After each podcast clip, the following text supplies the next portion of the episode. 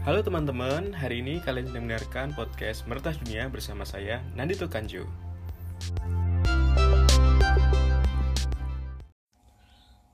Assalamualaikum warahmatullahi wabarakatuh teman-teman. Alhamdulillahirrahmanirrahim Selamat datang di podcast Meretas Dunia Dan masih bersama saya, Nandito Kanjo. Dan ya masih di sini sendiri, belum ada yang menemani. Ya begitulah. Anyway, di episode kedua ini saya akan kembali membahas tentang industri teknologi dengan topik pengaruh revolusi industri 4.0 bagi masyarakat dan individu. Hal-hal yang menarik untuk saya bahas antara lain ada yang pertama adalah kita akan membahas tentang sejarah revolusi industri mulai dari revolusi industri 1.0 sampai ke 4.0. Yang selanjutnya kita akan bahas juga apa sih pengaruh positifnya kemudian uh, yang ketiga adalah pengaruh negatifnya dan yang menurut menurut saya penting dan menurut saya tepat di momen atau di situasi yang saat ini kita hadapi bersama yaitu pandemi yaitu tentang bagaimana perubahan ke dalam ketenaga kerjaan. Oke, sebelum kita mulai, kita jeda dulu yang mau lewat ini.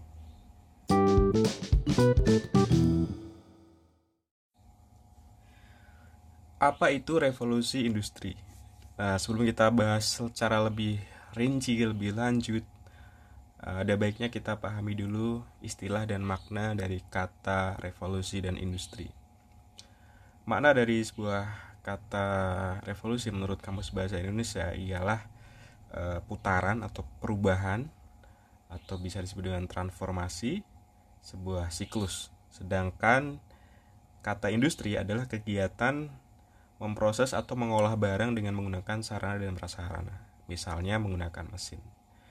Jadi kalau secara statement, eh, bukan statement ya, secara saya menyimpulkan atau saya simpelkan lebih mudahnya yaitu revolusi industri adalah proses perubahan pada sebuah kegiatan dalam memproses atau mengolah suatu barang atau produk dengan menggunakan sarana dan prasarana.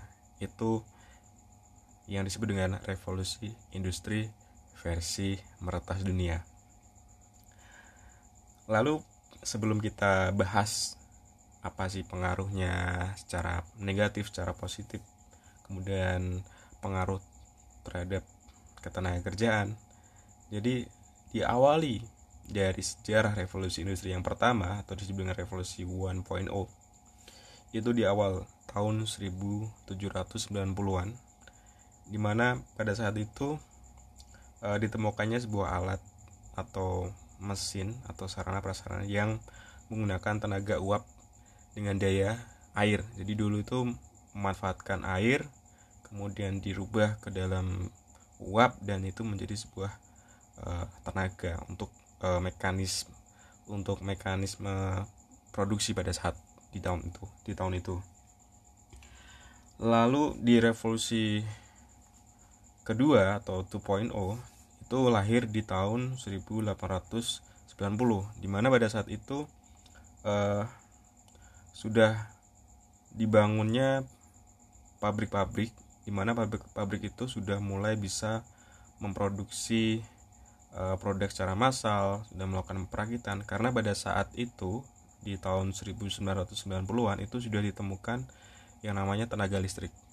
Jadi semua ibaratnya di tahun tersebut sudah ada pabrik-pabrik yang sudah berdiri. Sehingga e, mereka mulai e, meningkatkan produktivitasnya dari yang tadinya uap ke listrik. Jadi lebih lebih cepat gitu kan. Jadi yang tadinya mungkin di tahun yang 1700 dia mungkin satu bulan bisa memproduksi dua mobil misalkan, yang di tahun 1800 dia bisa memproduksi mungkin lebih dari dua. Kemudian munculnya revolusi industri 3.0 atau revolusi industri ketiga itu lahir di tahun bukan sebenarnya bukan lahir ya tapi revolusinya itu tepat di tahun 1960-an yang mana di situ sudah sudah ter apa namanya terbangunnya infrastruktur jaringan internet elektronik, sistem informasi dan otomatisasi dan semuanya sudah mulai uh, dibangun. Dan pada saat itu yang namanya pabrik misalkan atau mungkin perusahaan-perusahaan sudah menggunakan sistem otom otomatisasi. Jadi mulai ada mesin-mesin yang sudah mengerjakan pekerjaan manusia. Kemudian yang saat ini terjadi di, di tahun ini kalau podcast ini masih tayang di tahun ini ya di 2021 ya ini masih kita masih di era revolusi industri 4.0 yang mana lebih dikenal atau lebih uh, umum di di telinga itu Internet of Things. Jadi bagaimana sebuah rumah itu bisa kita pantau dari luar. Mungkin misalkan kita mau buka pintu pintunya udah bisa buka sendiri atau mungkin kalau kita sedang bekerja di kantor kalau waktu jam kerja atau kantornya sudah tutup otomatis listrik listrik mati sendiri. Nah itu yang sekarang terjadi.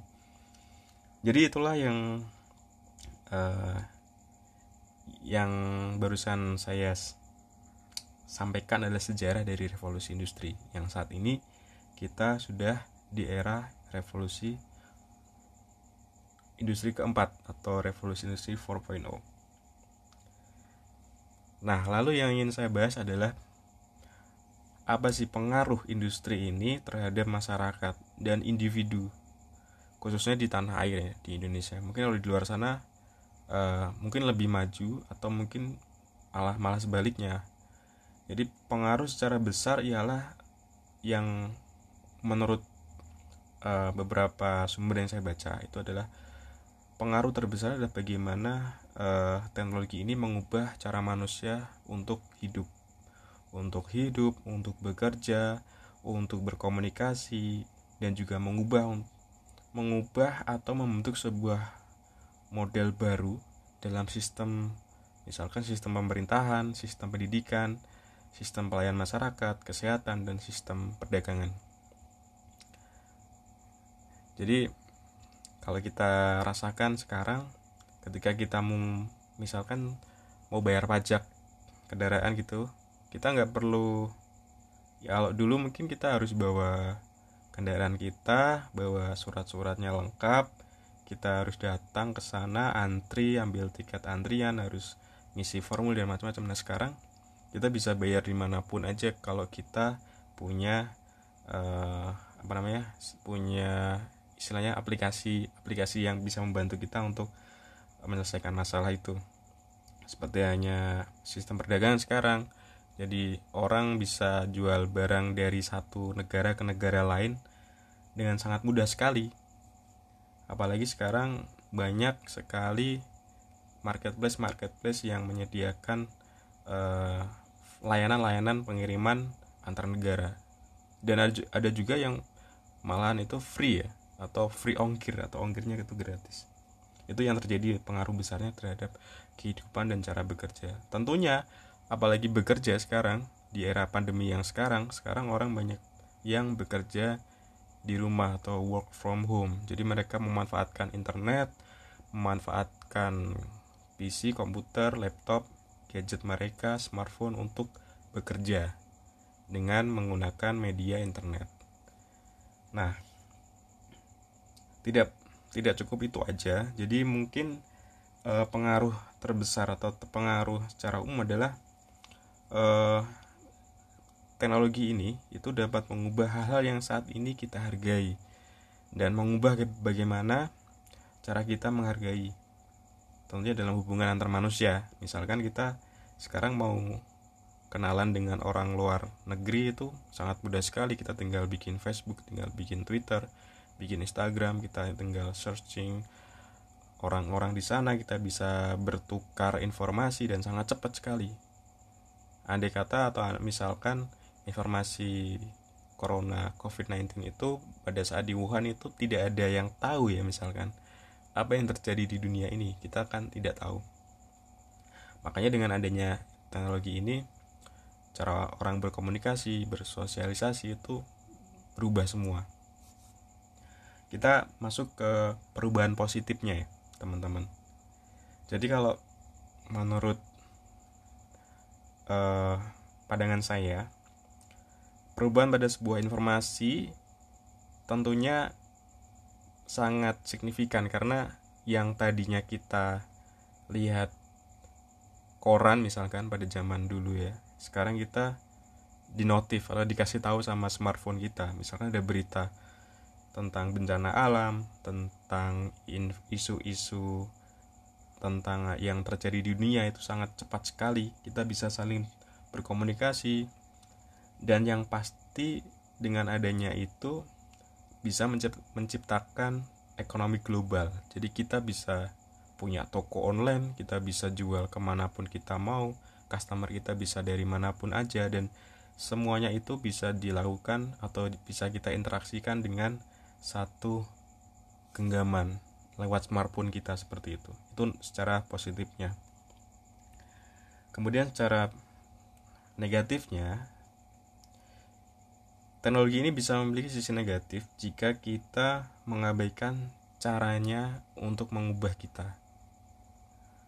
Paham gak kira-kira? Jadi uh, sebagai contoh begini kalau kita sudah menghargai uang daripada kita menghargai waktu untuk keluarga berarti kita bisa atau kita dapat membangun teknologi yang dapat membantu kita menghasilkan uang, tapi dengan mengorbankan waktu untuk keluarga. Sehingga teknologi ini dapat menciptakan sebuah dorongan yang membuat nilai-nilai dasar itu lebih sulit diubah. Jadi kita akan gimana ya ngomongnya? Pokoknya intinya eh, kita akan fokus kepada sesuatu hal yang sebenarnya secara dasar itu kita bisa hargai tetapi dengan adanya teknologi ini kita merubah cara kita untuk menghargainya. Waktu dengan keluarga dengan pasangan dengan teman sahabat dan lain-lain. Nah itu kita korbankan dengan adanya teknologi ini. Dan yang yang saya amati misalkan kita lagi nongkrong uh, saya sering melihat teman-teman yang lagi nongkrong itu mereka bersosial tapi masih virtual itu jadi mereka masing-masing menggunakan handphone atau gadgetnya masing-masing untuk bersosial. Padahal orang yang nyata fisik itu ada di sebelahnya dan itu terjadi. Nah itu yang membuat perubahan negatif yang terjadi. Padahal kita harus yang namanya orang mau ketemu yang ketemu secara fisik ya bukan virtual Kemudian perubahan dalam ketenaga kerjaan itu yang mungkin jadi pro dan kontra. Tapi tidak dapat dipungkiri bahwa pekerjaan manusia ini akan terpengaruh karena adanya sebuah artificial intelligence atau kecerdasan buatan. Yang mana itu akan mengotomatisasikan berbagai tugas. Tapi sayangnya bagi pekerja yang berpendidikan rendah dan memang tidak sedikit memiliki keterampilan itu posisinya akan kurang menguntungkan. Dengan adanya revolusi 4.0 ini sehingga kalau saya korelasikan dengan program yang sekarang di pemerintah yang adanya kartu prakerja itu eh, menurut saya itu bagus dan itu membantu teman-teman yang mungkin membutuhkan keterampilan tambahan itu akan terbantu. Sehingga di masa depan teman-teman bisa uh, dapat beradaptasi dengan uh, kebutuhan kebutuhan dan pekerjaan yang akan datang. Itu secara perubahan besarnya. Saya sih salut dengan program-program yang ada di yang sedang dijalankan oleh pemerintah sekarang. Karena berpikirnya ke depan jadi long term jadi tidak short term ya. Jadi long term itu untuk masa depan yang lebih baik. Jadi kalau di tarik ke belakang kalau saya saya memang lahirnya di kampung. Jadi di tahun sekitar 1990-an itu semua hampir mayoritas ya. Jadi tidak satu dua tapi hampir mayoritas warga di kampung itu menjadi seorang TKI di luar negeri.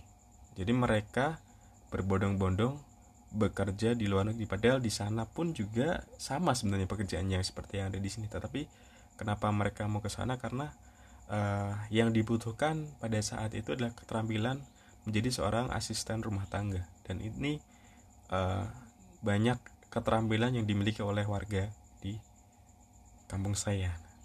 Tapi kalau ke depan ternyata asisten rumah tangga rumah ah belibet banget. Jadi misalkan ke depan asisten rumah tangga itu sudah digantikan dengan sebuah robot. Berarti kan sudah tidak ada peluang lagi untuk menjadi seorang maaf.